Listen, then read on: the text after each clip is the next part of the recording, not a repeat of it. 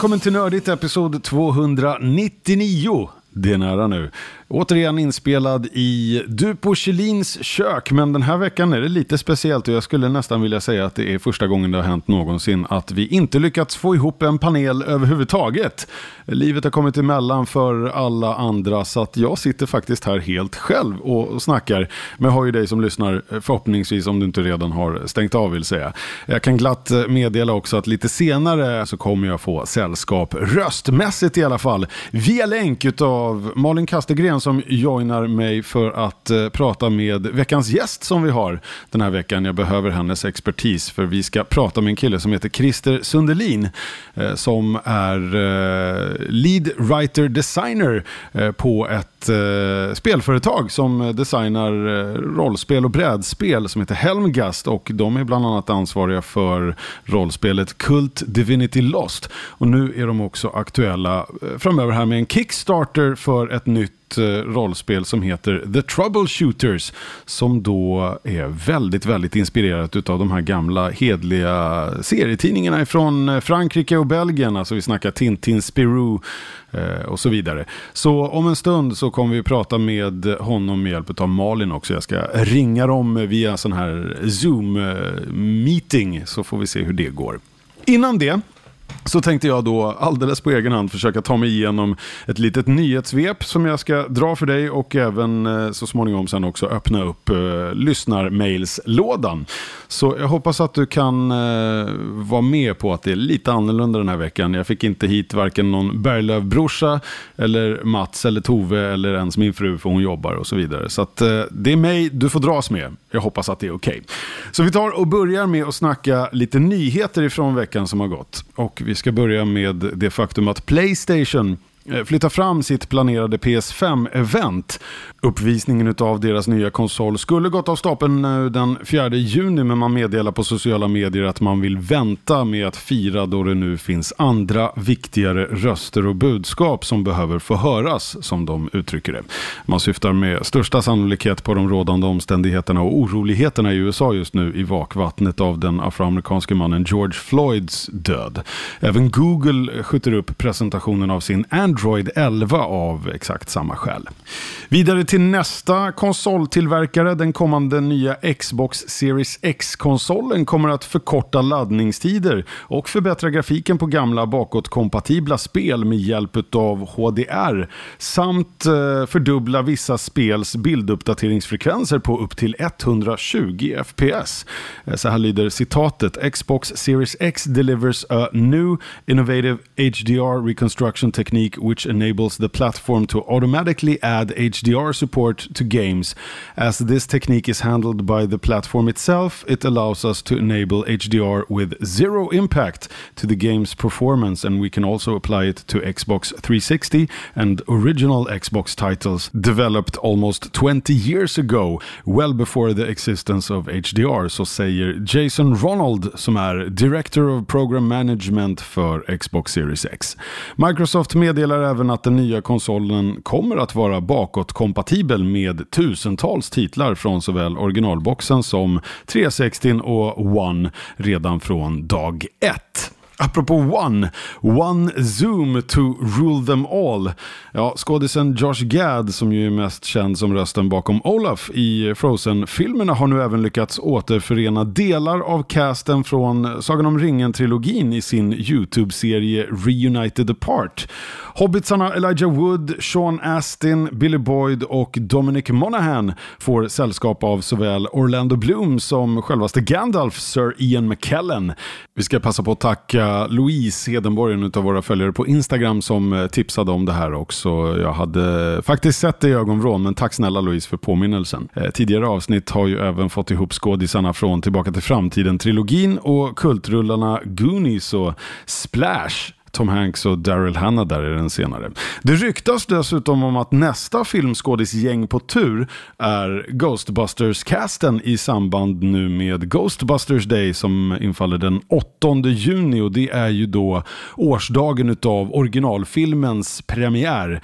Eh, 8 juni 1984. Då ska vi se. Nästa nyhet som vi har här. Lite weird som sagt att göra det här själv, men jag hoppas att det funkar. Henry Cavill är inte helt klar med att hänga upp superhjältemanteln då det nu står klart att han kommer att reprisera sin roll som Superman i flertalet kommande DC-projekt. Inte då som en huvudrollsinnehavare utan snarare likt hur eh, Marvels cinematiska universum använt karaktärer som Nick Fury och Hulk, Bruce Banner. Eh, lite mindre cameos här och var, det vill säga så man kan binda ihop kontinuitet kontinuiteten mellan filmerna och kanske tv-serier här nu i, i båda fall. Eh, jag tror det ryktas om att eh, Mark Ruffalo ska dyka upp i den här kommande Disney Plus-serien She-Hulk. Vore ju konstigt annars. Eh, Likaså så kanske det är någon tv-serie som Cavill dyker upp i. Det finns ju sådana projekt på gång också. Eh, det kvarstår att se exakt var Cavills Man of Steel dyker upp då, då, men kanske någonstans i de här kommande projekten som är på gång. Eh, du har ju Wonder Woman 1984, den är ju för sig eh, i princip klar och på väg. Den har ju bara blivit framskjuten på grund av corona. Eh, vore kanske lite väl hastigt och lustigt om man inte splicar in ett eh, post-credit framträdande. Det kan ju alltid gå att fixa till. Höll ju på att hända i den här Shazam-filmen där man fick se Superman, spoiler, fast inte ansiktet då. då. Eh, för att jag tror att det handlade om att man inte kunde få tillgång till Henry Cavill på riktigt. För det var ju hela det här mustaschdebaclet. Nu fick jag mejl också. Eh, då man var tvungen att CG bort grejer eller om det var någon annan anledning. Men eh, i Shazam 2 kanske han dyker upp. Den ska ju trots allt eh, komma här så småningom. Du har ju också eh, James Gunns eh, The Suicide Squad. Fast det är ju för sig mera Batman-relaterade skurkar och karaktärer, men man vet aldrig. Kanske dyker han upp, alltså Cavills Stålmannen, likt hur Batfleck dök upp i första Suicide Squad-filmen. sådär lite bara, ja, halvslentrianigt om man säger så.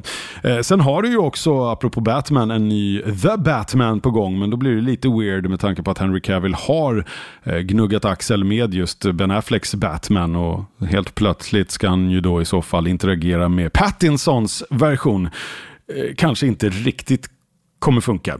Eh, andra filmer som är på gång ifrån DCs cinematiska universum är ju Black Adam med Dwayne Johnson, The Rock i huvudrollen. Där skulle det ju passa faktiskt med en eh, korsblandning med såväl eh, Stålmannen och Shazam. Vi får väl se. Sen har ju Jason Momoa en Aquaman 2 på gång. Där skulle han ju också kanske kunna göra en glorifierad cameo. Och så en Flash-film som du ju har pratats om, jag vet inte vad den har för status, men där skulle han ju också kunna försöka racea med Flash igenom vem som är snabbast. Eh, rent av så skulle han också kunna dyka upp i den här kommande JJ Abrams-serien eh, Justice League Dark, eh, tv-serien som ska gå bara på eh, HBO Max om jag inte är helt fel ute. Vi får se. Henry Cavill i alla fall, inte färdig med de eh, rödblå trikåerna. Apropå skådisar som håller kvar i sina roller. Det verkar som att J.K. Simmons kommer reprisera sin roll som J. Jonah Jameson framöver efter originalsvängen i Sam Raimis Spiderman-trilogi och det något överraskande inhoppet i postkreditscenen till Spiderman Far From Home. Eh, skådisen berättade att han skrivit på ett kontrakt eh, i samband med den eh, filmens inhopp då, då till att medverka i fler filmer framöver Eh, som J. Jonah Jameson. Så vi får se om han dyker upp i framtiden i Spidey-relaterade rullar antingen i MCU eller i Sonys spin-off-universum med Venom-filmen eh, Let There Be Carnage som är på gång och den här Morbius-rullen etc. Det brukar vara ganska vanligt annars också nu för tiden att om du skriver på ett kontrakt eh, för de här superhjältefilmerna och de här lite mer ikoniska karaktärerna så skriver man väl alltid på ett kontrakt där du som skådis lovar att du kan representera, eh, repres, reprisera rollen eh, om filmbolaget ber om det, men man kan liksom inte kräva samma sak tillbaka. Så det är väl någon sån deal har jag förstått det som. Vi får se, det vore jättekul i alla fall. Han är ju som klippt och skuren för rollen som JJ. Mr JK. Avslutningsvis i nyhetssvepet, en skådis som däremot inte kommer representera sin roll i, eh, i sitt filmuniversum. Det är Chris Evans som meddelade nyligen igen då, då i en intervju, denna gång hos eh, talkshow-värden Graham Norton, att han är helt och hållet klar med sin insats som Steve Rogers, a.k.a. Captain America. Skölden är vidare lämnad så att säga. Eh, citatet han eh, sa löd så här. It was a great run and we went out on such a high note. Och där refererar han ju såklart till Endgame. Uh, that it would be risky to revisit in my opinion. It was such a good experience and I think it's better left that way. Så inget mera Chris Evans i MCU som det verkar då. då. Det var de nyheter som jag hade att bjuda på den här veckan. Det blir eh, lite kortfattat här då, som sagt när man sitter här själv och inte har någon att bifa om saker med och, och diskutera till höger och vänster. Men så får det bli Eh, den här veckans eh, episod 299 så får vi se vad det blir som händer. Det här är också, ska jag tillägga, sista avsnittet för eh, säsongen kan man säga. Sen tar vi lite sommarlov och börjar att fundera på hur vi ska ta oss tillbaka med ett eh, 300 avsnitt. Då, då. Eh, vi ska också ta och kolla i mejllådan tänkte jag. Det gör vi om en liten stund.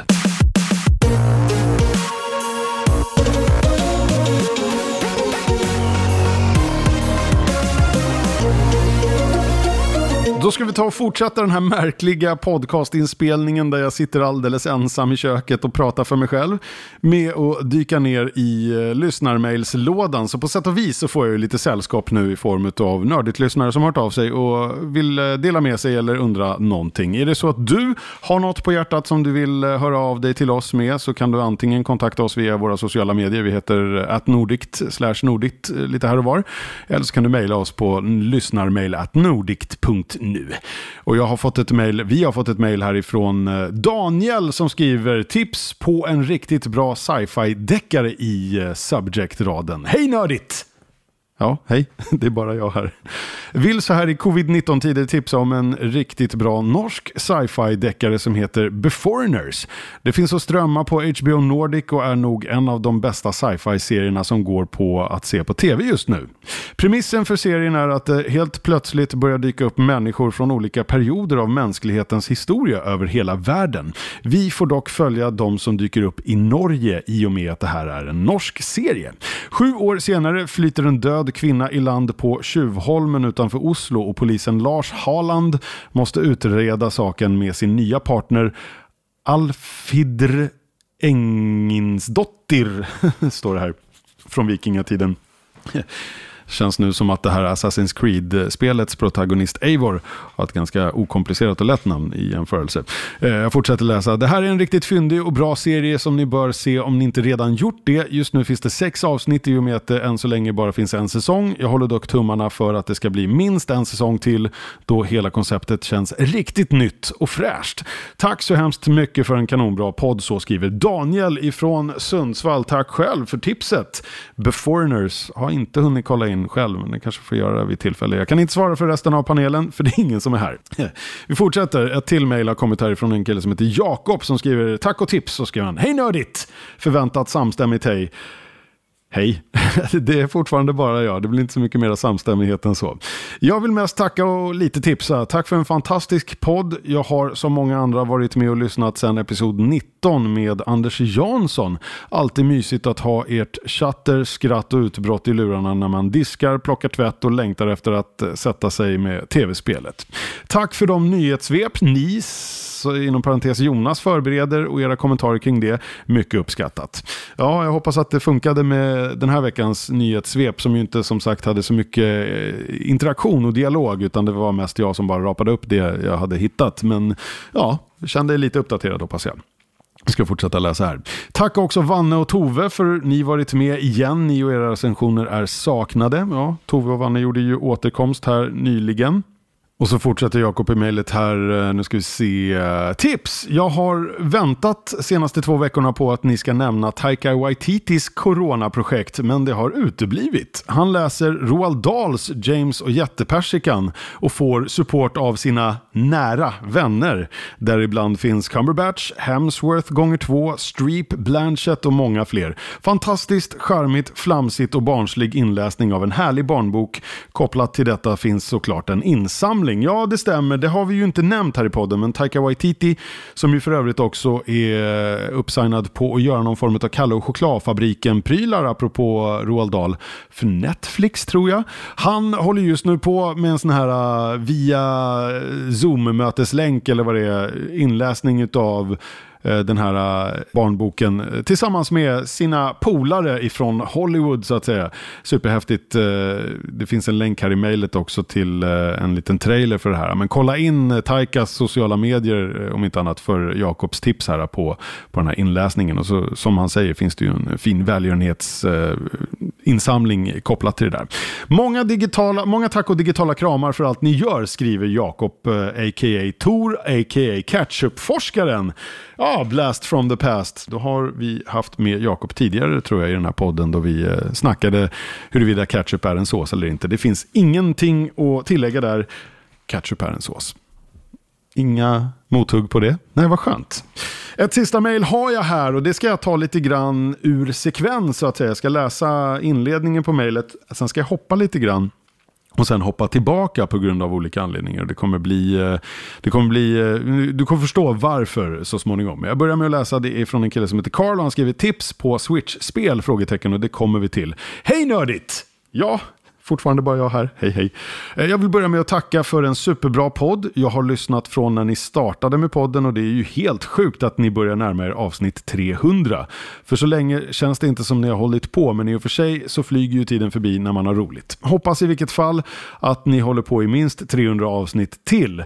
Det hoppas vi också. Nu ska jag hoppa lite i mejlet då som sagt och det kommer bli eh, det kommer att framgå varför så småningom. Jag hoppar här till eh, mitten, slutet här, för då vill eh, eh, Karl här hjälpa till att reda ut lite saker som vi snackade om häromveckan.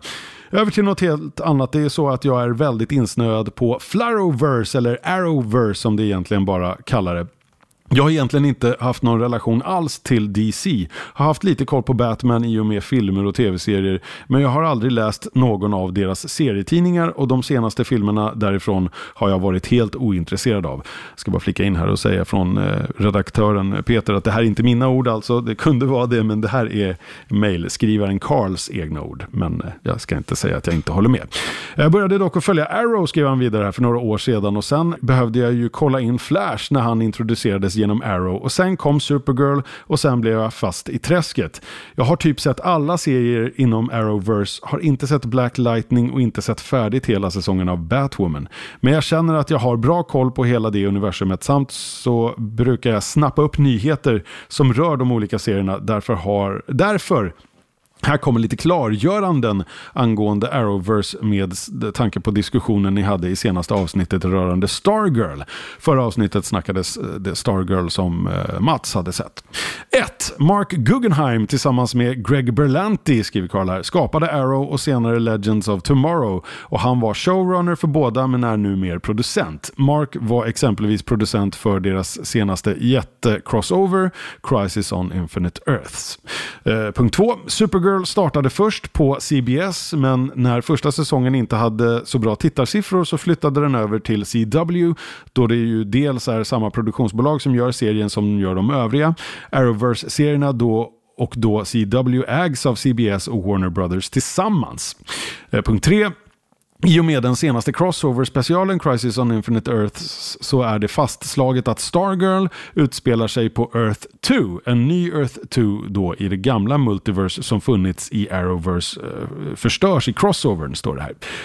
Eh, de ville passa på att promota den kommande Stargirl-serien så det görs även en väldigt snabb cameo av Stargirl i crossovern. Även de andra DC-serierna som är på andra streamingplattformar såsom Swamp Thing och Doom Patrol är i samma multiverse multiverse men på egna jordar då. Punkt 4. Det har tydligen ryktats om att det ska bli någon sorts crossover mellan Stargirl och övriga Flaroverse och antagligen främst då med Flash eller Supergirl. Men, de, eh, men det kommer i så fall bli i säsong 2 av Stargirl eller senare då de eh, ville helt fokusera på att etablera Stargirl och hennes värld i säsong 1. Och som punkt 5. Att det bara kommer ett avsnitt i veckan av Stargirl är inte HBO Nordics påhitt utan serien går just nu i USA dels på den här DC Universe-grejen som ni nämnde men också på CW.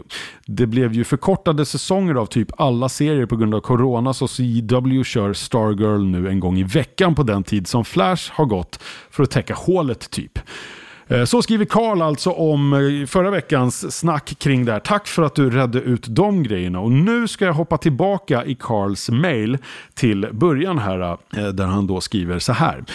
Eh, jag vill också rikta ett stort tack till Malin för jag har spelat Tangle Tower som hon tipsade om i avsnitt 297. Och jag tyckte att det var ett riktigt mysigt litet spel. Som hon sa så påminner det ju väldigt mycket om Ace Attorney-serien men det påminner också en hel del om Professor Layton-spelen då det är lite pussel och dylikt som man ska lösa. Jag älskar båda spelserierna så det blev en perfekt kombo. Kan själv tipsa Malin om spelet Detective Grimoire om hon inte redan spelat det. Det verkar nämligen vara föregångaren till Tangle Tower. Jag har inte spelat det själv ännu men planerar att göra det någon gång under sommaren. Jag hoppas nu att Malin är med i det sista avsnittet innan ni tar sommaruppehåll för jag har en fråga till henne. Jag misstänker nämligen att utav er så är det hon som har bäst koll på spel till Switch. Men om det är någon annan som känner sig manad så får han gärna svara också. För eftersom det snart är semestertider, eh, men där man antagligen inte kommer att få resa så mycket, eller typ inte alls, så kommer det nog bli eh, till att vara hemma och spela en hel del tv-spel istället. Problemet är dock att liksom de allra flesta digitala spelaffärer så är det ju ofantliga mängder skit på Nintendos e-shop som man behöver vaska igenom för att hitta guldkornen. Det blir ju lite enklare om man vet vad man ska leta efter. Så jag undrar därför om Malin har några fler tips eh, på spel att kolla in på switchen. Jag tänker då främst på lite mindre typ indiespel men också på lite större spel men som hamnat i mer skymundan för de stora bjässarna. Alltså inte Mario, Animal Crossing, Fire Emblem, även om Treehouses är superbra eller dylikt. Och då passar jag på att eh, av eh, just den anledningen koppla in Malin från dressinen, höll jag på att säga. Det är inte På spåret det här. Eh, men via länk så är du nu med här för att få svara på frågan här om vad man kan eh, spela på Twitch. För att jag har, haft, ja! jag har haft den så kort och jag har bara spelat Zelda. Så jag lämnar över det till dig. Jag kan ju säga att de flesta som har haft det långt har också bara spelat Zelda. Så det är liksom inte en... Det tar sin tid alltså. Exakt. Det är så här, woo! Uh, via teknikens magi är jag med.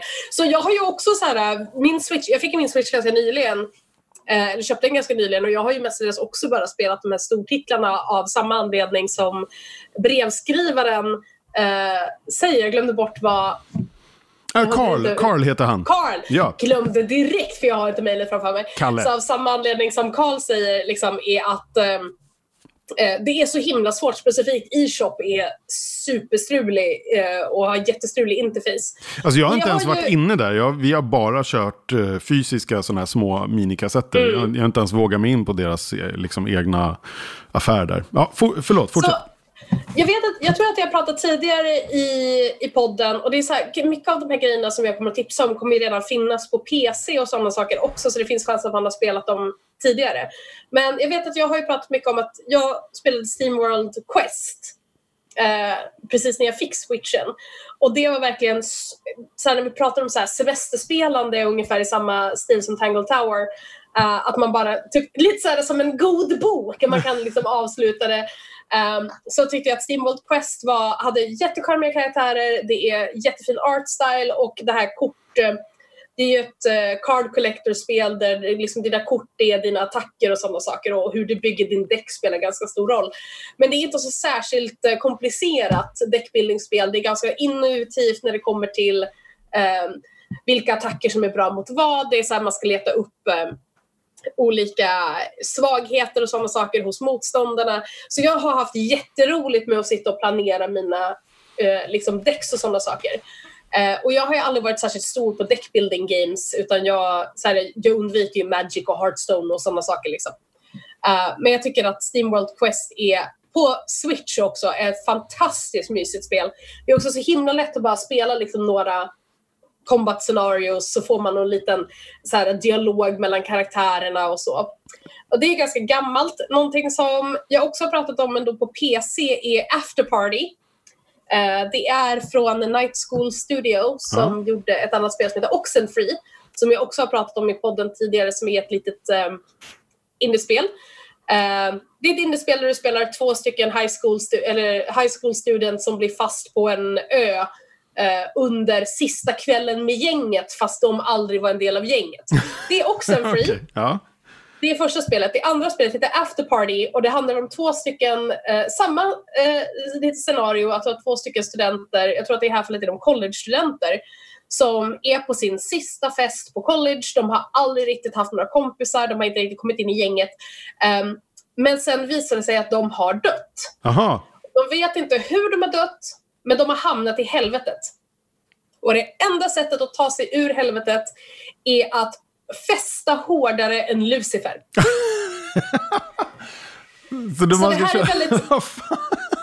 Okej, ja. Ja, så det här är ett väldigt klassiskt point and click adventure game ehm, där mycket av charmen ligger i dialogen mellan de här karaktärerna. Ehm, det är väldigt narrativt drivet, eh, ställer några rimligt stora frågor om ehm, liksom eh, vänskap, eh, personlig ångest, den typen av grejer. Eh, men de har också en, en eh, line som de säger är i spelet som jag ändå har haft med mig ganska länge är ehm, eh, liksom de här två kidsen, de bara, men vi är bara helt vanliga kids, såhär, we did nothing to deserve to be here. Mhm.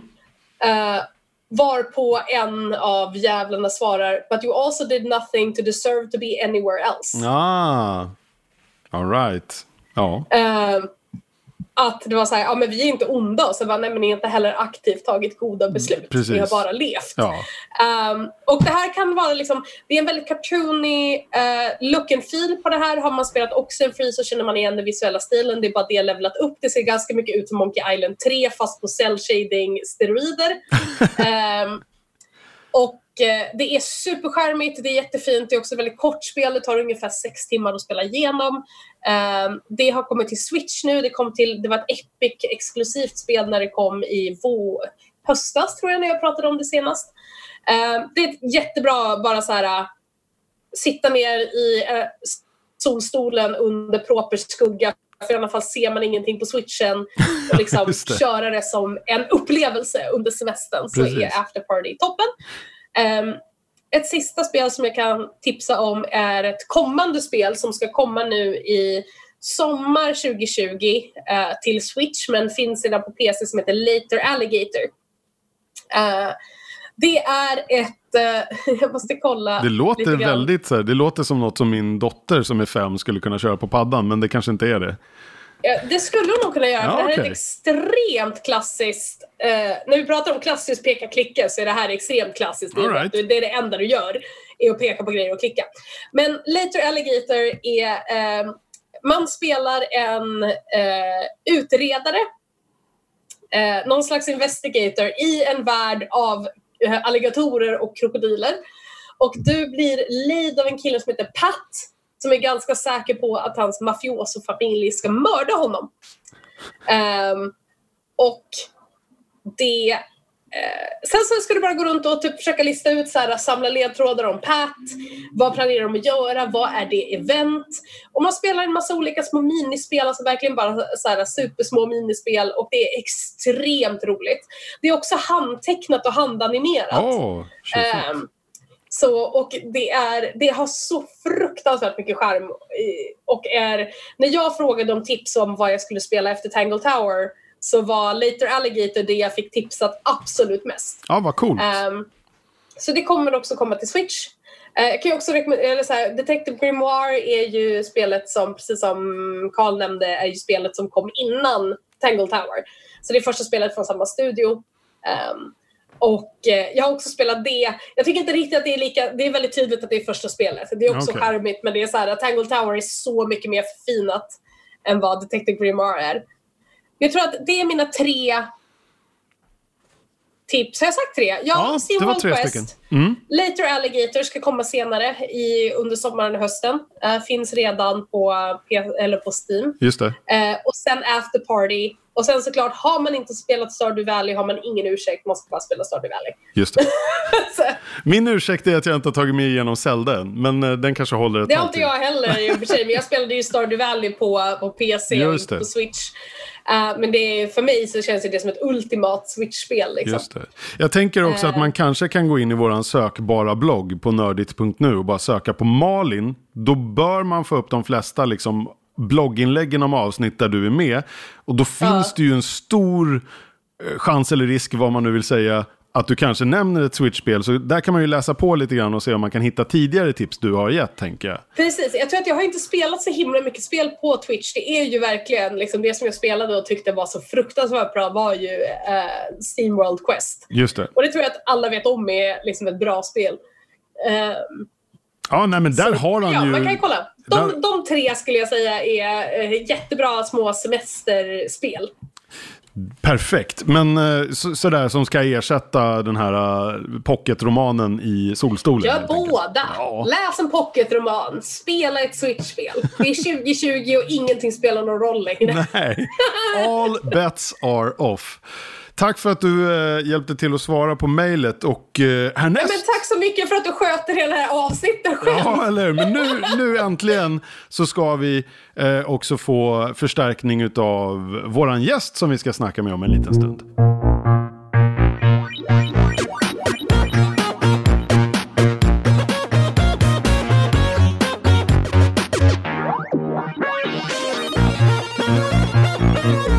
Har vi eh, blivit ett eh, exponentiellt större gäng som ska medverka i den här podden. Tack och lov. Förutom Malin, våran eh, inhouse-expert på ämnet, så har jag också med Christer. Jag vill, jag vill hela tiden säga Sandelin, men det heter du ju absolut inte. Som den där gamla popsnubben, utan du heter ju Sundelin, eller hur? Jag har faktiskt hört den där grejen en gång när jag var på sjukhuset. En sköterska kom ut och ropade in Christer Sandelin. Precis. Med stor förhoppning och ett äh, autografblock i näven. Ja, eller hur? Hon, hon, hon, ville ha dig i mörkret hos sig. Nej, förlåt. Ja, men precis. Åh, oh, gud. Jag, nu ska jag... Alltså, djupet på referenserna här.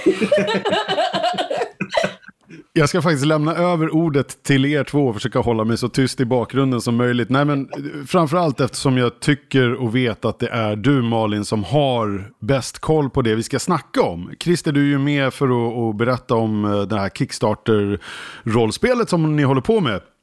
Eh, och Malin, du är ju grym på rollspel. Jag har inte lirat det sen jag var fjortis. Grym är ju eh, eh, någonting man sällan blir när det finns alltid en ganska chans, stor chans för fummel. Jo, Så men jag, jag, spelar mycket men jag har också nästan dödat mitt party i det som jag ska spela ikväll. All right, men du har ett party igång i alla fall. Jag tror mitt party var senast på 90-talet liksom, så att eh, så, så ah, gud ja. Petitiona oss någon gång att vi ska köra ett rollspelsavsnitt av Nördigt så att jag får ångra det resten av mitt liv, så att jag, så att jag kunde DMa det.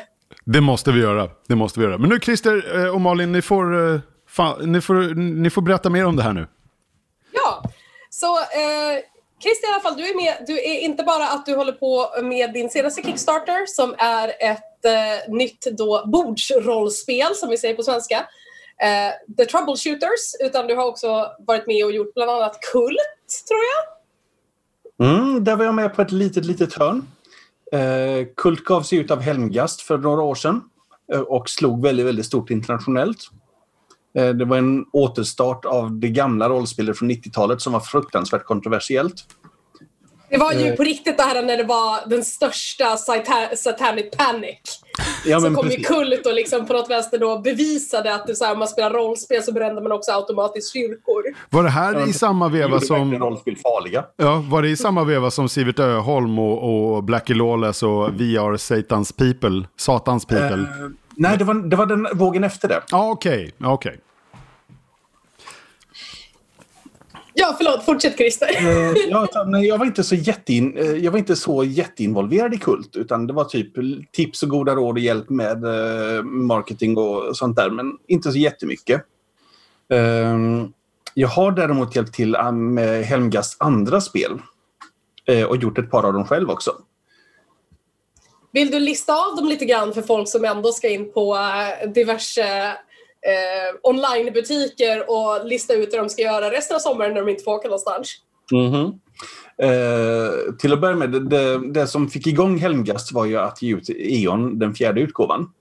Ett fantasy-rollspel som hängt med sedan 96 ungefär. Um, jag har spelat det några gånger. Jag tror alla som har spelat E.ON kan skämtet om det här mm. lastbilen med D6or som välte. Och man bara, ah, det är någon som spelar E.ON. ja, men precis. Uh, det, det, är många tärningar i det spelet. uh, Neotech var ju ett annat spel då också. Uh, ursprungligen skapat av Neo Games som skapade E.ON en gång i tiden också. Som uh, Helmgast nu har plockat upp. Det Jag har inte varit särskilt mycket involverad i alls. Eh, sen så har Helmgast gett ut två spel som heter Järn och Hjältarnas tid. Som var, där Järn var mer järnålder, mytisk fantasy. Eh, och Hjältarnas tid var mer ett nybörjarspel riktat mot folk som inte har provat på genren förut. Mm, det är det som jag, för de som lyssnar på den här podden, när jag pratar om att jag har spelat med mina brorsöner så är det Hjältarnas tid som vi spelar. Jag tyckte att det lät bekant, så du, jag, du måste ha hört dig nämna det Malin. Mm. Så de, de, två spelen har jag, de har jag i stort sett gjort själv. Tillsammans med, med en, ett team med illustratörer och en massa kritik från resten av Helmgast förstås. Va, ja. Och Helmgast är då en svensk rollspelsutgivare. Ja, vi är ett kollektiv av sju stycken personer.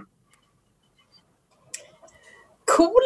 Och nu så är du aktuell med en ny Kickstarter för ett... Eh, jag sitter och kollar på eh, Kickstarter här och eh, ett spel som ser specifikt eh, väldigt bekant ut kanske för många av oss som växte upp med serietidningar där i sent eh, 80-tal, tidigt 90-tal. Eh, så vill du prata lite grann om The Troubleshooters?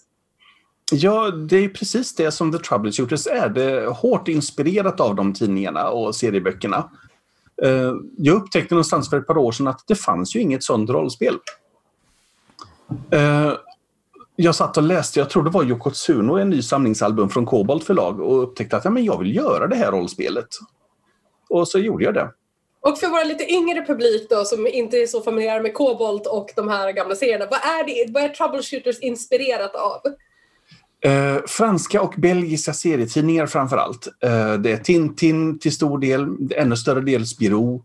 Eh, Yokotsuno är ju som sagt var den triggen som satte igång det. Det finns massor med andra också som eh, Max Jordan som hette eh, Gilles Jordan på, på franska från början. Um, och mängder med andra. Jag skulle kunna rabbla titlar Blake and Mortimer och så vidare i, i ganska lång tid. Uh, och det, det är en serietradition som har pågått sedan väldigt, väldigt länge, alltså före andra världskriget med de första böckerna. Uh, i, eller första äventyren för, för Tintin. Uh, och den har utvecklats och levt gott och är den tredje största seriemarknaden i världen just nu efter manga och amerikanska serier. Till och med jag... Ja, förlåt. Eh, till och med, nej, kör på! Ja, nej, men, alltså, till och med jag som är så här... Jag har ju förutom, jag är ju väldigt superhjälte-vriden i min serietidningskonsumtion nu på senare dagar framförallt. Men jag läste, ja, förutom sådana här gamla Kalle Anka Pocket och sånt där, så gick jag till lokala biblioteket. Och det var verkligen ett lokalt litet jäkla skitbibliotek som låg i Skälby. Där jag är uppvuxen utanför norrort i Stockholm här. Eh, och, och lånade då Tintin-böcker, sådana här liksom seriealbum. Uh, vi snackar Spirou, Gaston. Kan man kasta in Lucky Luke där också? Det är väl också typ fransk oh, tecknare och allting. Det, det, är samma, det är samma grupp och det är samma marknad. Ja. Uh, en grej som utmärker den just är att uh, de var väldigt, väldigt heta på historiska serier och framförallt amerikansk western. Ja. Mycket mer än amerikanerna själva. Det fanns Blårockarna, det fanns Lucky Luke, det fanns Blueberry, eh, vad hette den indianserien, Jackarey eh, och ett antal andra liksom, som de var jättet, jättetända på. Det är lite som spagettivästern. Liksom. För att göra amerikanska västern bra så krävs det en italienare, eller en fransman eller en belgare. Exakt. Det är som, amerikansk kultur blir alltid bäst i någon annans händer. Det är ungefär som Bob Dylan. Hans låtar ja, som helst någon annan Jag tänkte säga som H.P. Lovecraft. Men det... Så, men ja, och jag tror så här, har man sett, och alla har ju sett liksom de här gamla Tintin eh, eh, albumomslagen, typ jag tänker specifikt på, gud, he, resan, när de åkte till månen, vad heter den?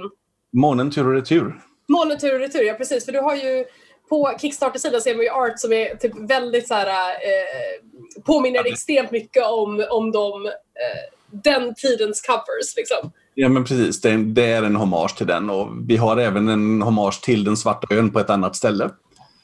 Eh, sen sticker vi iväg lite grann på 60-talets tv-serier, en del av deras remakes.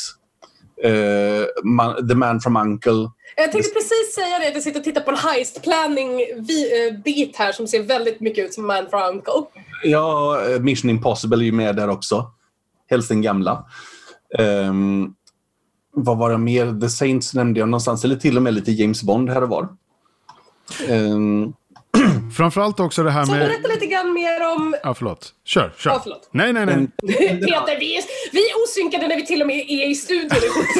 Vi. Ja, men det är Via länk med fördröjning så blir det total sallad. Jag ska bara vara tyst en stund nu. Kör, Nej, kör vara med och prata. Jag tänkte så här, kan du berätta lite grann om hur, hur spelar man The troubleshooter? Så här, berätta om världen och vilka man spelar som och vad man gör. Ja, alltså, världen är cirka 1900, mitten på 60-talet.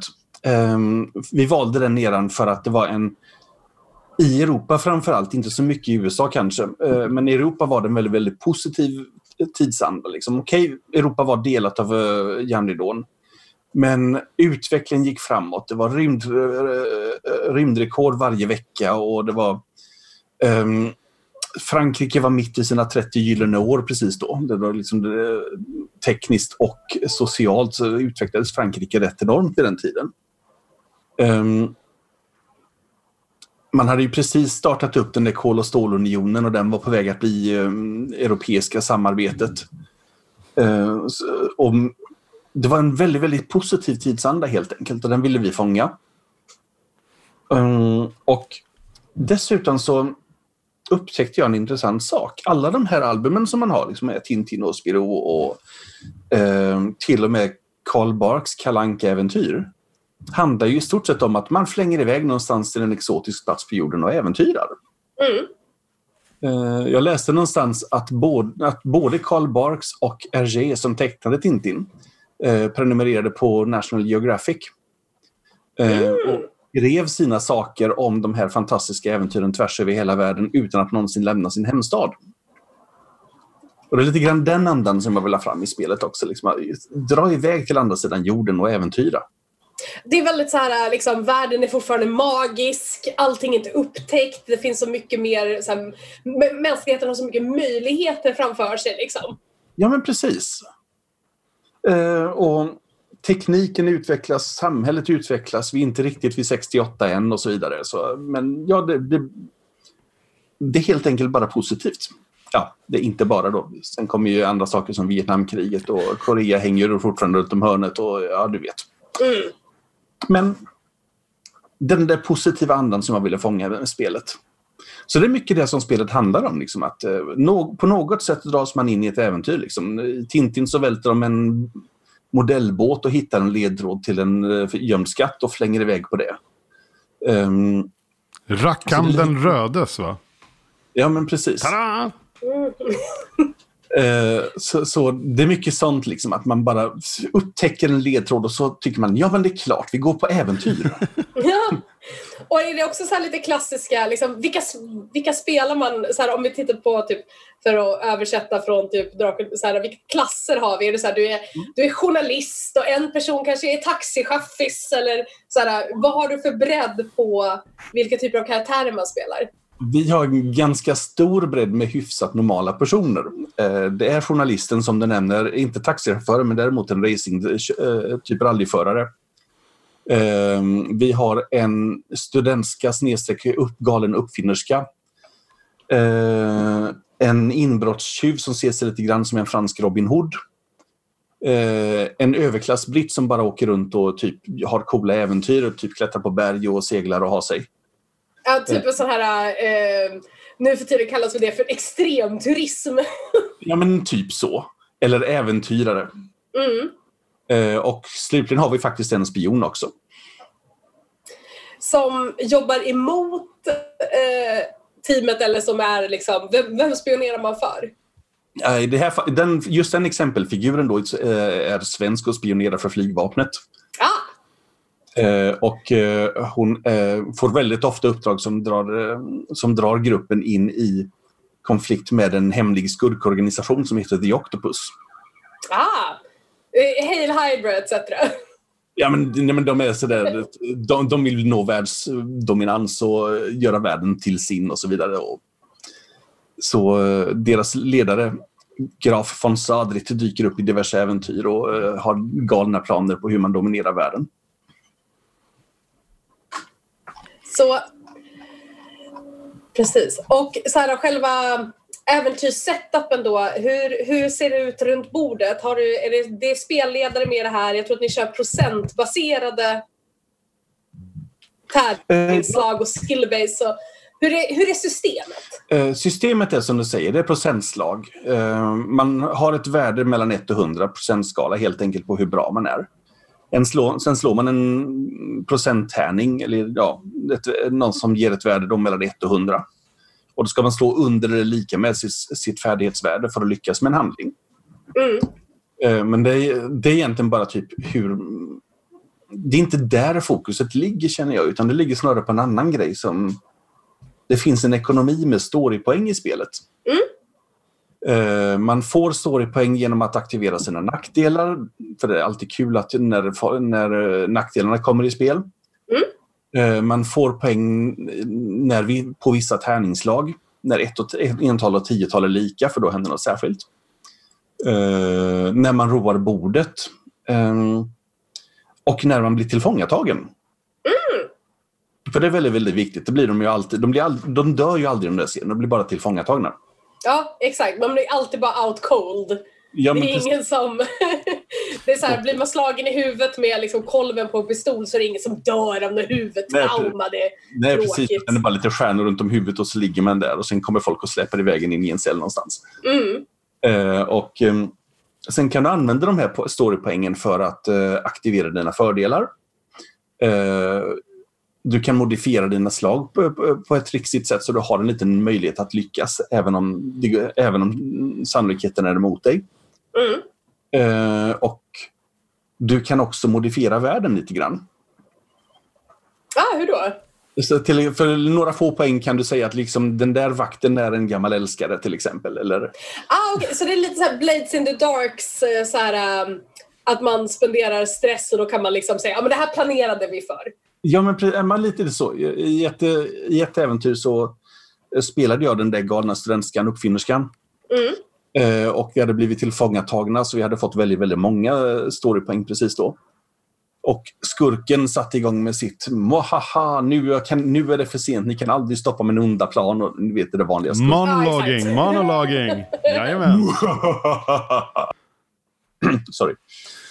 Eh, och jag betalade en himla massa storypoäng och sa, men pappa, måste du vara så himla dåligt B-skurkig? och spelledaren han bara körde på liksom, men snuttgurkan, vad gör du här? och det hela slutade med ett gräl så att vi blev instängda på mitt rum istället, flickrummet, som av någon anledning fortfarande kvar, det var kvar i den här underjordiska basen där de höll Det är ju, det är ju eh, ett toppen-narrativ. Ja, och det, det blir så himla roligt när folk anammar den här grejen och verkligen kör på den. Hur tänker ni kring själva så här, när vi pratar om så här spelsessionlängder och sådana saker? Är det här ett system som man jobbar i kampanjer? Eller är det lite mer som så här Blades in the Dark eller Fiasko? Att man tänker att nu kör vi det här och det är en, mer av en one-shot, ett äventyr, kanske tre, fyra sessioner. Jag tänker mer att det här är som en serie, eh, typ som en, eh, som en serie med album i typ Spiroanda eller Tintin-album. Eller Tintin liksom att okej, det här äventyret är över och sen om en, ett år ungefär eller ja, förhoppningsvis nästa vecka istället Mm. eh, så kör vi nästa album. Ja, precis. Så det är så här episodbaserat liksom. Ja, men precis. Blir karaktärerna bättre och sådana saker eller behåller man basvärden och sen så ändrar man att det är liksom story points och sådana saker som kommer in och Ja, ändrar det, hur- de, de, blir, de blir bättre. Det finns en Mm. liten belöningsmekanism där. Ehm, och det finns även en del saker att göra mellan äventyr. Det finns en downtime-period där man kan eh, typ gå ut och shoppa faktiskt. Ja, trevligt! Shopping episodes är alltid de bästa. Vad du säger är helt enkelt att jag vill ha en ny pryl och så okej, tycker någon, ty- tycker spelledaren, då skriver vi upp den nya prylen. Då Beroende det på också vilken spelledare det är så här, jag vill ha en ny pryl. Okej, ja men då måste du eh, gå ner och vänta på... Eh, ja, men det är ju eh. mellan äventyr så det tar en down, downtime-period för det mesta. ah, okej. en pryl. Eh, eller du kan uppfinna en pryl också. Det är klart man kan uppfinna galna saker i det här spelet. Eh, och så kan man ge sig ut och re- resa och socialisera och då skapar man lite resurser åt spelaren att använda i framtiden. Och så får man storypoäng eh, på grund av det. Om vi kollar så här, eh, är det något mer på systemet som du vill täcka som jag inte har frågat om specifikt här? Ja, det enda jag vill egentligen eh, lyfta fram är just det att det är väldigt, väldigt svårt att dö. Mm, ja, det såg jag också. Det, just det här. Äh, ja, fortsätt. Du, du har en mängd med träffpoäng, eller vitality, som vi kallar det för. Uh, och du kan istället för att förlora vitality så kan du ta att du blir skadad eller att du är dödsfara. Eh, blir du skadad så hjälper inte det så mycket just nu men framtida scener kommer bli jobbiga. Och går du in på sjukhus med ett skotthål så kommer polisen ställa dumma frågor. Eh, tar du dö dödlig fara eller dödsfara, mortal peril, och om vitality tar slut så är du död. Mm. I andra fall när vitality tar slut så är du bara utnockad. Liksom. Det är out cold. Och, uh, förhoppningsvis så um, kan de andra lösa situationen och blir inte, gör de inte det så vaknar du i skurkarnas cell sen. Så det är liksom inte om vi tar liksom D&D som exempel där det är så att du går ner till noll, sen har du tre slag på dig och om du failar tre gånger så dör du permanent. Nej. Om du inte är över level 10 då är det liksom death is just an inconvenience. ja men precis. eh, nej men här, här är det verkligen så att det är jättesvårt. Du får verkligen göra det till en storypoäng själv eh, om du vill dö. Mm. Eh, och det tycker jag är en väldigt, väldigt trevlig princip som funkar väldigt, väldigt bra i den här genren. I andra genrer funkar det mindre bra men just i det här så är det väldigt, väldigt trevligt. Jag tänker just också om man vill ha den här lite mer att det är mer äventyr, det är lite mer lättsamt kanske än de här mer grimdark det, mm. så, grejerna som finns på marknaden. Och sen just, jag tänker ju ofta på det här med vad spelledarens roll är när det kommer till att facilitera the fun. Att vissa ja. system försöker ju verkligen ha att spelledaren spelar emot spelarna och ska ha ihjäl dem. Liksom det är, Ja, det, kommer det alltid vara en liten del av motstånd i spelledaren. För man kan ju mm. inte bara låta spelarna göra vad fan de vill. Ja. Men framförallt liksom är det just i det här spelet så, så är rollen att driva storyn och eh, se till att det är kul. Mm. Jag tänker lite grann på, eh, som sagt, Blades in the Dark i och med hela heist-mekaniken. Och där har du ju väldigt, spelledaren det är väldigt mycket yes and. Ja, men precis. Det är väldigt mycket så här också. Mm. Eh, och, en, och, en, del yes but också. Ja. Yes, hela Fate-systemet är ju typ yes but. ja, men precis. Eh, och yes but är typ, ja det går jättebra, men någonting annat händer. Exakt, det finns alltid en konsekvens. Ja, det går jättebra, och någonting annat händer. Mm. Ja. Eh, när det kommer till själva D100 eh, så procentbaserade skillsystem så kan ju det vara en grej som så här, eh, ibland är det finns ju väldigt stark så här, det är D20 plus 3 som gäller eller procentsatssystem. Vill du slå ett slag för varför procentsatser är det bättre valet här? Ingen uh, ledande fråga alls. ingen ledande alls. Nej, men, uh, alltså jag, jag, ser ju inte egentligen som ett system som bättre än det andra. De har olika egenskaper. Uh, jag försöker här... bara skapa lite Twitter-kontrovers kring det här. Eh, de egenskaperna som man var ute efter i det här, att det skulle vara väldigt, väldigt tydligt även för nybörjare. För jag tror att en hel del av den potentiella marknaden ligger hos de som läser serier men inte spelar rollspel. Mm. Eh, så att den här procentskalan är väldigt, väldigt tydlig på vad du kan och den är väldigt, väldigt tydlig på hur svårt någonting är, vad chansen är att lyckas. Eh, och sen i och med att man har ental och tiotal så kan man göra massa kul träningstricks med dem där också. Eh, en mekanism sådan är till exempel att flippa på ett slag från ett misslyckat slag på 73 till ett lyckat slag på 37. Mm. Eh, det kan man göra antingen med olika eh, förmågor eller med storypoäng. Um, och ja, det, det, det, finns helt enkelt mer möjlighet att göra. Det finns mer information att ta ut ur, en, ur ett procentslag än vad det gör ur en D20. Mm. Att ental och tiotal är lika brukar sådär trigga att någonting särskilt händer um, någonting bra om man lyckas och någonting dåligt om man misslyckas. Mm. Den är mycket svårare att få in på en D20 på en 20-sidig tärning. Då, då brukar det ofta vara så att en natural 20, liksom, om du slår 20 på tärningen så händer något bra. Mm. Och samma sak då, om du slår en etta på tärningen så är det något dåligt. Ja. Så. Um, det fanns fler tricks att utnyttja på en uh, 100-sidig tärning. Ja, det är som sagt var också det här med Eh, jag har spelat några system som använder sig av procentsatser på 100 och där är det mycket lättare att faktiskt vara bra på någonting man ska vara bra på. Ja. För att chansen att fejla någonting ligger så mycket, matematiskt så mycket lägre mm. än vad det gör på en, på en D20. Sen upptäckte jag någonstans för en, vad blir det, en 8-9 år sedan ungefär, att den optimala chansen att lyckas ligger på någonstans på, på 65 till 70 procent. Mm. Eh, då är det så pass bra, eh, högt värde att, det, att du känner dig bra och du, du känner dig kompetent. Mm. Eh, men samtidigt så är det tillräckligt stor risk för att det ska faktiskt vara värt att göra, för att det ska vara en utmaning. Ja. Och om man inte har någon insats som, som till exempel pengar Mm. Eh, så låg den där avvägningen ungefär 65-70 procent. Då var det som roligast. ja. Det är då man ofta hamnar i de här yes and. Ja, men precis. Eh, och sen kommer någonstans Eller yes but. Mm, ja, precis. Ehm, Sen så, om det handlar om pengar så är det en annan sak. Liksom. Då måste ju banken på något sätt vinna. Mm. Eh, Alternativt så måste spelet vara någorlunda rättvist. Eh, och då finns ju framgångsmätningen inte i antalet lyckade slag utan i pengarna. Så att där ligger 50 väldigt, väldigt nära det optimala. Mm. Får jag flika in och fråga angående det här hundrasystemet? Jag som inte har spelat eh, på skitlänge. Har man en faktisk hundrasidig tärning? Eller hur funkar det när man ska randomisera fram ett Det slag? finns hundrasidiga tärningar. Hur fan ser en sån ut liksom? Well, Malin har, vi sitter ju här på Zoom ska jag säga, så ni ser inte ni som lyssnar på podden. Men nej, jag har Är det show and tell? ja, jag får googla. inte- Men, men det ser verkligen ut som en golfboll och det Ja. slutar Ja.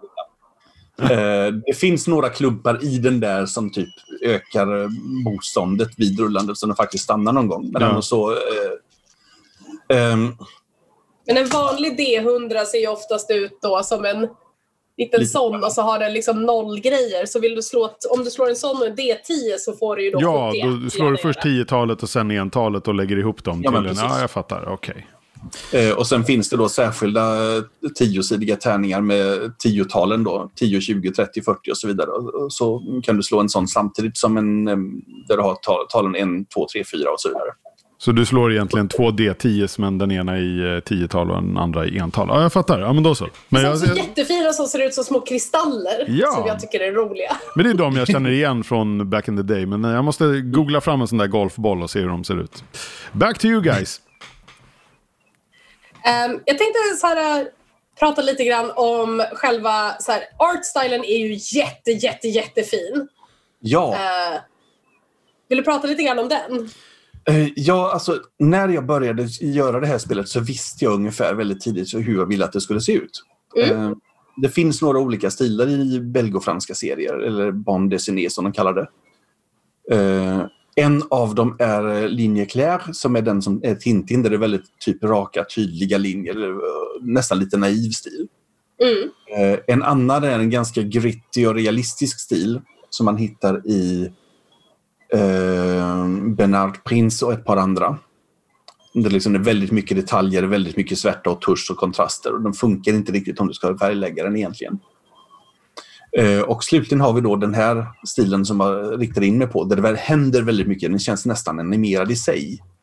Eh, och den kallas för École Marcinelle från, från det stället. Marcinelle utanför Bryssel, där den skapades.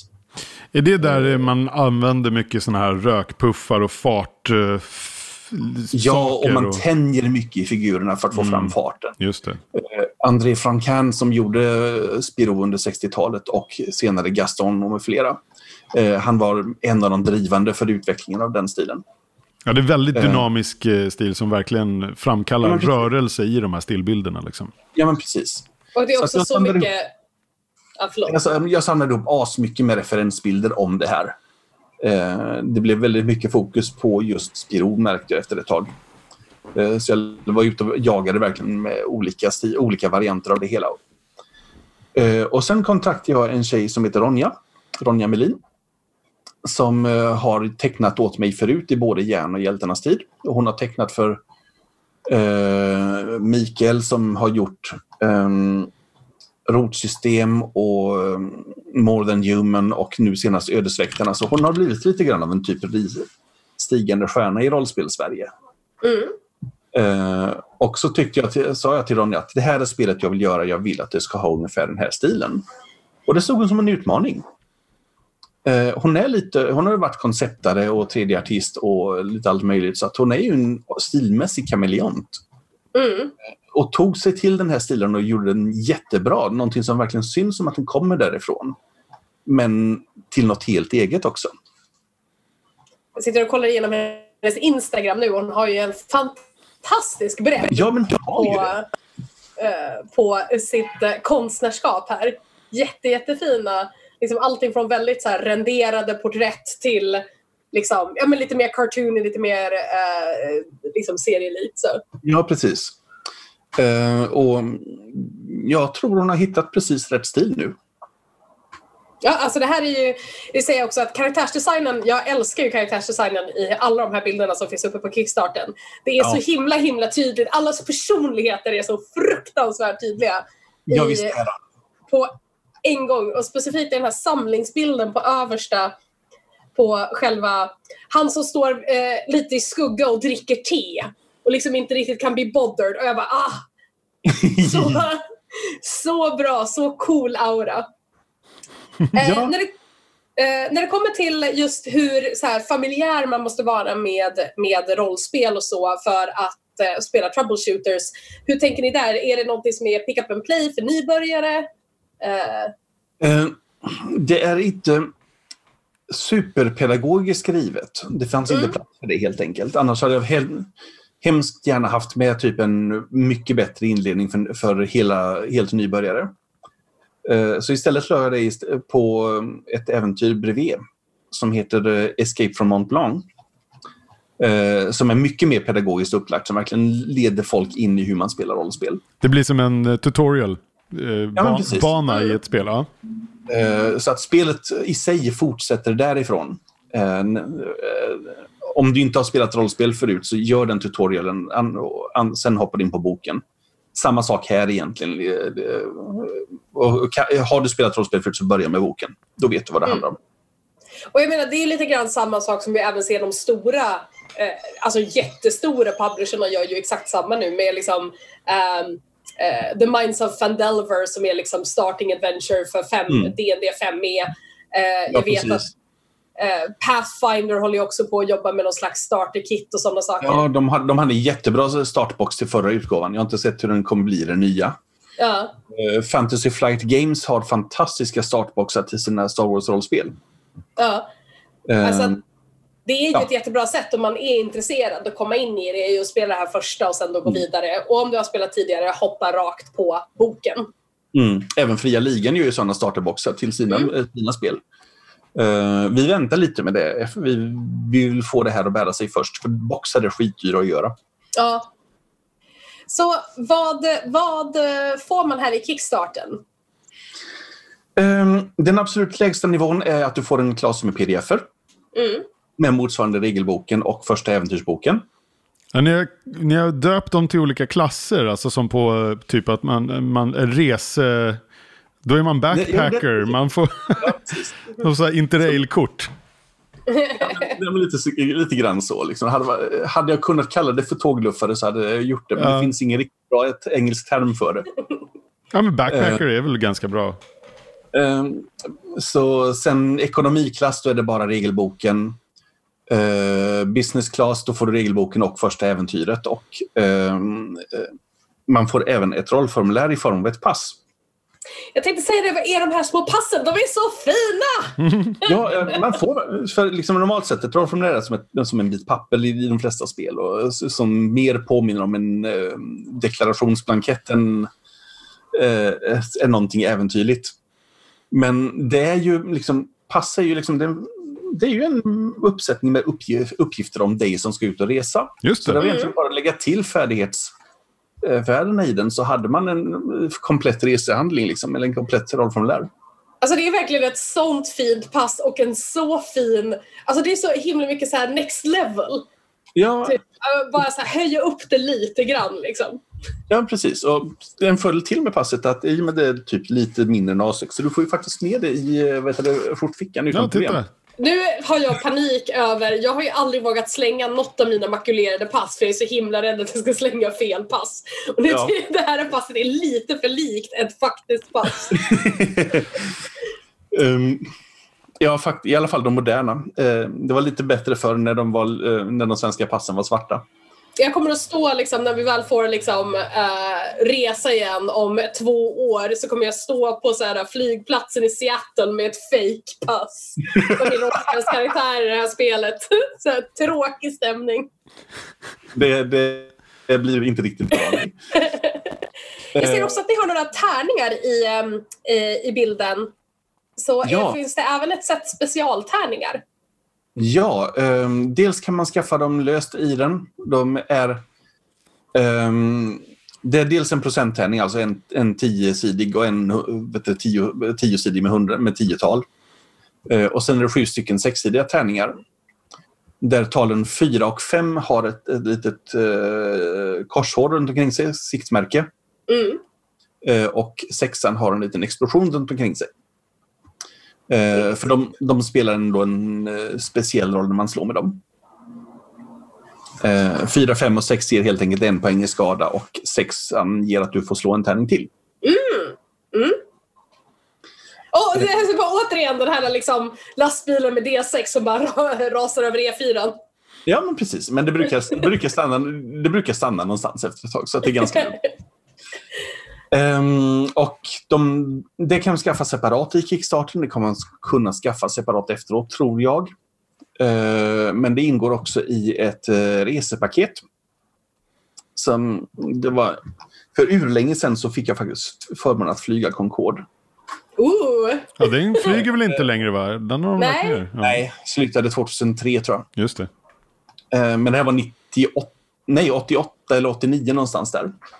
Eh, och då fick jag med en liten portfölj med eh, anteckningsmaterial och penna och lite annat sånt där skoj. Eh, och en kashmirhalsduk som jag tyvärr har tappat bort. Det är fan synd för det är den näst bästa halsduken jag någonsin haft. Näst bästa? Vilken är den bästa då? den bästa är min Dr Who-halsduk ja. som är typ 4-5 meter lång. Ah, just det. Um, men inspirerat i det då så kommer det resepaket med tärningssätt, eh, en karta över Paris, klistermärken. Um, vad var det mer i det? Man eh, kan läsa också på Kickstarter, men det kommer en massa ja. fina grejer. Ja, prylkort var det den sista grejen. Prylkort, ja! Precis, det ser en moped där, en vespa. Eh, ja. En journalists viktigaste verktyg är en olåst vespa på Paris gator. ja, vi, vi har ett litet system. Du kan ha fem prylar. Eh, och det är ganska praktiskt att ha den där korten. Då, kan man lägga i passet också. Den passar ganska bra där i. Ja, toppen. Eh, och eh, mycket av det där med att skaffa prylar är liksom att då hamnar man i en planeringsscen där man liksom, okej, okay, vilka saker ska jag lägga undan för att slotta in de här prylarna för att som vi behöver för äventyret. Inte realistiskt, men det ger till ganska kul planeringsscener. Uh, och um, gör, det gör det enkelt också att hålla reda på vad du har. Så eh, Precis, det är som en backpack, backpack sheet. Ja, men lite grann så. Eh, förutom Pariskartan så ska vi även göra en Berlin, Berlinkarta och en Londonkarta. Och det är, då, är det för fiktiva 1960 då? De är baserade på eh, kartor från 63. Mm. Eh, så att det är hyfsat väl researchat. Sen gör vi, eh, gör vi en del fel i dem av upphovsrättsliga skäl. Mm. Själva terrängen i Paris är inte riktigt copyrightad om man säger Nej. så. Men gör man, gör man lite, lite fel så är det vår karta. Ah. Jag kan säga det så här, fun fact för folk som inte jobbar inom publishing är att förvånansvärt mycket byggnader, eh, kartor och dylikt är copyrightade. Mm. Eh, och, men terrängen som sådan är ju inte copyrightad. Mm. Eh, så... Tack, det vore jättekonstigt. ja. Men kartorna blir copyrightade genom att, det blir, eh, genom att det får verkshöjd så att det blir någonting eget. Och då måste man göra någonting som skiljer sig från verkligheten lite grann. Mm. Eh, och en av de roligaste grejerna, exemplen på den, är en karta över Kenya från Storbritannien. Eh, där det finns en liten elefant inlagd i höjdlinjerna. Mm. Toppen! Det, är ju, eh, det har ju gått bra här måste man säga för själva Kickstarter. Ni, ni klarade ju själva grundmålet och nu är ni uppe och pillar på de sista typ två eller tre stretch goalsen eller fel ute? I, Ja, vi har tre stretch goals kvar. I inspelandets stund i alla fall. Och eh, det är ju, Det är- det är ju nu på torsdag 46 timmar kvar! Ja, precis. Eh, på torsdag den här veckan som vi spelar in den, nu vill jag säga den fjärde. Japp. Eh, så Någonstans vid elva tiden ungefär. eh, så då, då stänger det så att säga. Japp. Så ni har fortfarande möjlighet här att, att klicka upp de sista rackarna. Ja, tack. Det var jättetrevligt. Ja, eller hur? Så precis. Och om man vill komma in på Kickstarter och backa det här så söker man då på The Troubleshooters. Ehm, och borde få upp det. Vi kan säkert också klicka in länk. Jag kan också säga att det finns ett testäventyr på Kickstarten. Men det finns Eh. två. Det finns två till och med. Yes. Eh, dels står det här som jag pratade om, Escape from Mont Blanc, som är typ ett demoäventyr på en timme ungefär. Mm. Eh, väldigt pedagogiskt upplagt. Eh, och dels ett ehm, The Minoan Affair. Ooh. är ett lite längre äventyr. Eh, typ 3, 4, 5 timmar ungefär normalt brukar det ta. Eh, och de är gratis och kan laddas ner och spelas. Precis, så då är även det då en god eh, anledning att gå in på Kickstarten, kolla in trailern, kanske ta sig ett gratisäventyr, kanske pledga lite grann och få boken. Vore himla trevligt. Hur lång tid eh, kommer det ta ungefär att färdigställa det här efter Kickstarten? När har ni leveransdatum med tanken? Ja, vi ska försöka få ut det här till kunderna i september. Oj, det är kort ändå. Det är snabba Det är kort. Eh, men all text är skriven. En hel del Ja. av bilderna är levererade. Eh, så vad vi behöver är att eh, Dante får lite tid att göra layouten. Mm. Och mm, får vi iväg det här till tryckerierna i augusti så, eh, och det är hyfsat stor chans att vi klarar det. Ja. Så, Så, ska vi ut till kunderna i september. Toppen! Jag har två, två frågor här. Det, till att börja med så finns det ju en jättefin il- illustration på er tre i järngänget här. Det är det, dels Ronja som du nämnde, det är du själv, eh, Christer och eran eh, AD då, eh, Dan. Ni är porträtterade här som sådana här Octopus Henchmans. Japp. Va? Ser ni, du ser ju riktigt ondskefull ut här. Det är, det är mustaschen. Jag ser ju på vår skärm här nu att du ser ju mycket snällare ut i verkligheten. Men vad var tanken Ja. där? Varför har ni porträtterats som eh, the bad guy så att säga? Det var bara ett kul infall vi hade. Att det Ja, jag kunde vara fattar. kul att göra oss till skurkar. Så det, på den absolut högsta nivån så kan vi, ger vi det privilegiet även till andra. Då, kan, då ritar vi in dem också som skurkar. All right. Ah, nice! Fan, det skulle jag ha sagt för ungefär tre sekunder sedan, för nu har jag redan pledgat. Kan höja din pledge, så det är inga Ja, problem. det kan jag kolla edit. Ja. Jag undrar också, i, om man bläddrar på, på sidan på Kickstarter här så börjar det ju att stå på engelska och sen längre ner så finns det ju på franska också. Ehm, Ja. hur, kom, och ni, kommer, du- kommer ni att ge ut det i en fransk översättning eller hur, hur funkar det? Jajamän. Ja, det är så. Ehm, vi har en partner i Frankrike, i Nice, som heter Arcan, Arcane Publishing. Eh, förlåt, Arcane Asylum Publishing. Eh, de har vi samarbetat med när det gäller Kult. Så det är de som ger ut Kult på franska. Eh, och då tyckte vi att ska vi ge ut nu ett franskt-belgiskt rollspel i inspirerat av det så är det ju bara rent schysst om vi frågar om de vill vara med och ge ut det på franska också. Just det. Eh, Och när vi pratade med dem så upptäckte vi just det här, liksom att de bekräftade det här. Det finns väldigt, väldigt få rollspel baserade på det här. Det är några små indiespel. Och i april förra året kom det ett baserat på Valerian. Linda och Valentin på svenska. Just det. Eh, Men det finns... Känd från en ganska dålig film. Ja, ganska. Den filmen kunde varit så mycket bättre. Ja, verkligen. Det tror jag är den allmänna konsensusen. Serien är så otroligt mycket bättre, så skaffa den och läs den. Ja, det är den som har gett eh, inspiration till George Lucas bland annat. Brukar Mats tjata om i den här eh, podden ganska mycket. Så att, Ja, exakt. Det är synd att vi inte har Mats som är liksom den som älskar Tintin och alla de här franska serierna. ja, Mm. Han flyger var synd. segelflyg idag Det hade istället. varit väldigt, väldigt kul att höra hans åsikt om det.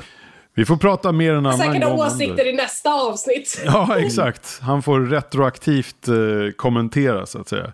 Ah, nej, men det, det, ser ju, det ser ju så himla häftigt ut. Trouble, alltså vad, är, vad, vad kommer det ifrån då? Troubleshooters, själva titeln. Är det det här ragtag-teamet som är The Troubleshooters? Eller vad, vad kommer i namnet av? spelvärlden så är Troubleshooters ett namn som eh, polis och militär och sånt där använder om folk som dräller runt i världen och löser andras problem. Och de ser det lite grann som lite nedlåtande. Liksom. Det, det är vad de ska syssla med att lösa problem. Eh, och när andra kommer att göra det så ställer det ju, det är ju militär och polis i dålig dager. Mm. Eh, så de, de säger det lite grann så här, troubleshooters. Mm. Snäser lite grann åt det. Ehm, själva termen i verkligheten hade vi jätteproblem med. Liksom, vad, 17, vad 17 skulle vi kalla spelet för? Mm. Ehm, när vi for, fortfarande funderade på att bara ge ut, eller att ge ut det på svenska eh, innan någonting var skrivet eh, så funderade vi på titlar som På farligt uppdrag och sådana där saker. Ja, ja, så klassiskt. Mm. Eh, och sen bestämde jag oss att nej, vi gör det här på engelska istället. Och så spånade vi titlar och så någonstans kom Troubleshooters upp. Ja, det låter jättebra. Till och med, typ, Man löser problem. till och med, till och med typsnittet i logga och liksom även på själva hem, eh, Kickstarter-hemsidan är ju väldigt i linje med eh, eh, ja, vad ska man säga, inspirationsmaterialet i de här serietidningarna. Oh, ja. Det var jättebra typsnitt som vi hittade som innehöll i stort sett alla tecken vi behövde också, till och med på franska. De har ju cirkumflexer, accenter och uh, fnuttar. ah, ah, Fnuttar ja. Ja, det var väldigt glad att vi hade med dem också. All right. Så vi börjar få lite slut på tid. Är det någonting mer som du vill säga om det här som vi inte har ställt några ledande frågor om, Christer? Um, alltså det här är en så rolig upplevelse att prova på. eh, hela den här belgofranska kulturen. Så även om man inte skaffar det här spelet så dyk in i den och titta. Skaffa albumen eller låna dem på biblioteket och läs om dem. Och, och, och läs dem. Liksom det, det är den tredje, det är trots allt den tredje största seriekulturen i Sverige och den är, eller i världen och den är väldigt, väldigt dold på sitt sätt. Liksom utanför den franska och belgiska marknaden med lite avstickare upp till Norden så är den nästan okänd. Jag tänker de flesta av oss, även eh, liksom, förmodligen våra yngre lyssnare, har väl någon slags relation till Tintin i det här Eh, laget. Liksom. Eh, Ja, men det är ungefär det som är. Smurfarna och Asterix. Just Mm. det, där har du det. En, en till sak som jag tänkte på som du har nämnt här under eh, samtalets gång Christer, det är ju eh, när du har beskrivit karaktärer. Så har, du nämnde uppfinnaren där till exempel. Mm. Var en hon. Eh, det känns som att ni verkligen har jobbat med, eh, eh, vi pratade om det innan vi satte igång också, just diversitet. Ja, alltså Ja, eh, representation i det här. Precis. Eh, alltså, de flesta rollspel är tyvärr, har, har i alla fall fram till hyfsat nyligen varit skrivna för män. Vilket är jättetråkigt. Tappar bort, om, i, om inte annat rent dumt ur rollspelsproducenternas synvinkel, för man tappar bort hälften av marknaden. Ehm, så i de rollspel som jag har gjort så har jag liksom tryckt på att det ska vara representation. Inte bara över kön utan även över hudfärg och etnicitet också. Nu var det sista lite grann en utmaning i, i och med att spelet huvudsakligen är Europa-fokuserat. Eh, men vi valde ändå liksom att vi sydfranska påbrån så har vi Paul som var ganska mörk i hyn. Vi har Elektra som är från Grekland. Så vi kunde ändå få in en, den diversiteten också. Eh, och det är jag väldigt, väldigt glad över. Kul. Ja, och som sagt, alla karaktärer är ju väldigt distinkta liksom, när man ser dem uppradade och sådär. De exempelkaraktärerna som finns.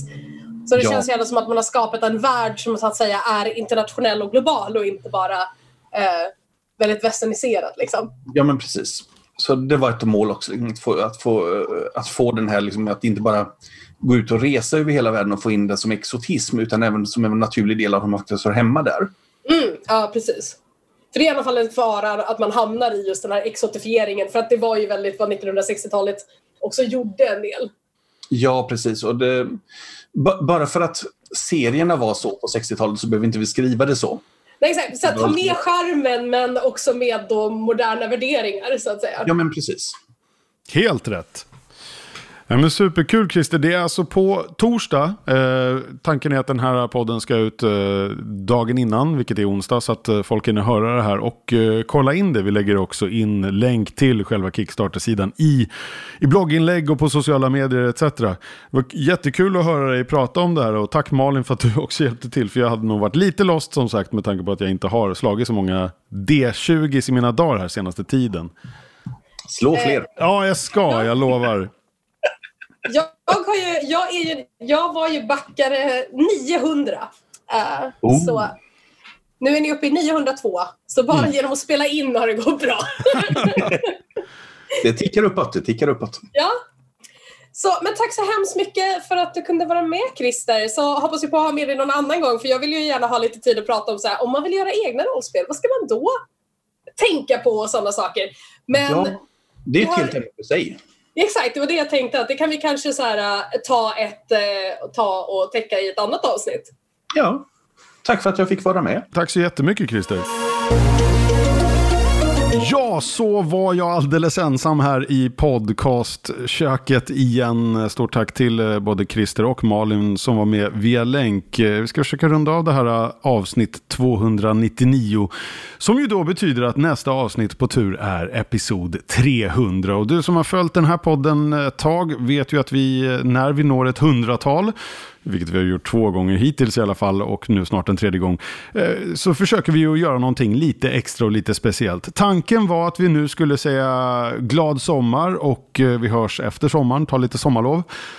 Hoppa in i badbrallor och bikinis och, och, och softa lite och sen vara tillbaka på Comic Con Stockholm som ju skulle gått av stapeln eh, i eh, september, lite passande efter liksom sommaruppehåll. Nu har ju den mässan på grund av hela covid-19 och coronagrejen blivit uppskjuten som vi berättade här om veckan till i vår nästa år. Så vi har liksom inte våran eh, Eh, liksom, regelbundna plats att sätta oss framför en live-publik som vi hade tänkt så här, det blir perfekt timing. Nej, 2020 hade andra planer, så vad vi kommer att ägna merparten av eh, sommaruppehållet till är ju att fundera vad fan vi ska göra istället. Självklart så får du som lyssnar höra av dig med förslag. Ska vi köra någon dansbana någonstans och smälla upp mickar och på behörigt avstånd från både er och varandra sitta framför folk och, och snacka med lite sensommarfågelkvitter? Eller ska vi inta något annat ställe och försöka köra inför publik? Eller ska vi streama det live? Som sagt, har du något förslag på hur vi ska fira episod 300? Kom gärna med förslag så ska vi försöka tänka ut lite idéer själva också och, och försöka komma på hur vi ska göra en efterlängtad comeback i höst. Men det här är som sagt sista ordinarie episodavsnittet utav Nördigt på ett tag. Vem vet, kanske blir det någon specialare här och var även fast det är ganska svårt att skrapa ihop material till att göra det. Vi har gjort eh, San Diego Comic Con relaterade specialepisoder sommartid. Likaså eh, sommar-blockbuster samlingsavsnitt. Det finns inte något av den varan just nu att snacka om, så jag vet inte fasen vad vi skulle göra. Men vem vet, det kanske dyker upp något specialavsnitt eh, i väntan på episod 300 som kommer någonstans på höstkanten. Och exakt vad som händer då, det vet vi ej. Hör dig gärna av dig som sagt om du har några smarta förslag eller om du har något annat på hjärtat. Det är bara att mejla oss via lyssnamail at nördigt.nu eller kontakta oss via något av våra sociala medier. Vi heter Nordikt, eh, at Nordikt på de flesta ställen på eh, slash Nordikt, at Nordikt på eh, Facebook och Instagram och Twitter och så vidare. Twitter använder vi typ nästan aldrig, men man vet aldrig. Och så kan du som alltid hitta allt annat du behöver förhoppningsvis på vår hemsida nördigt.nu. Så tills vidare säger vi glad sommar, nördig sommar och puss hej!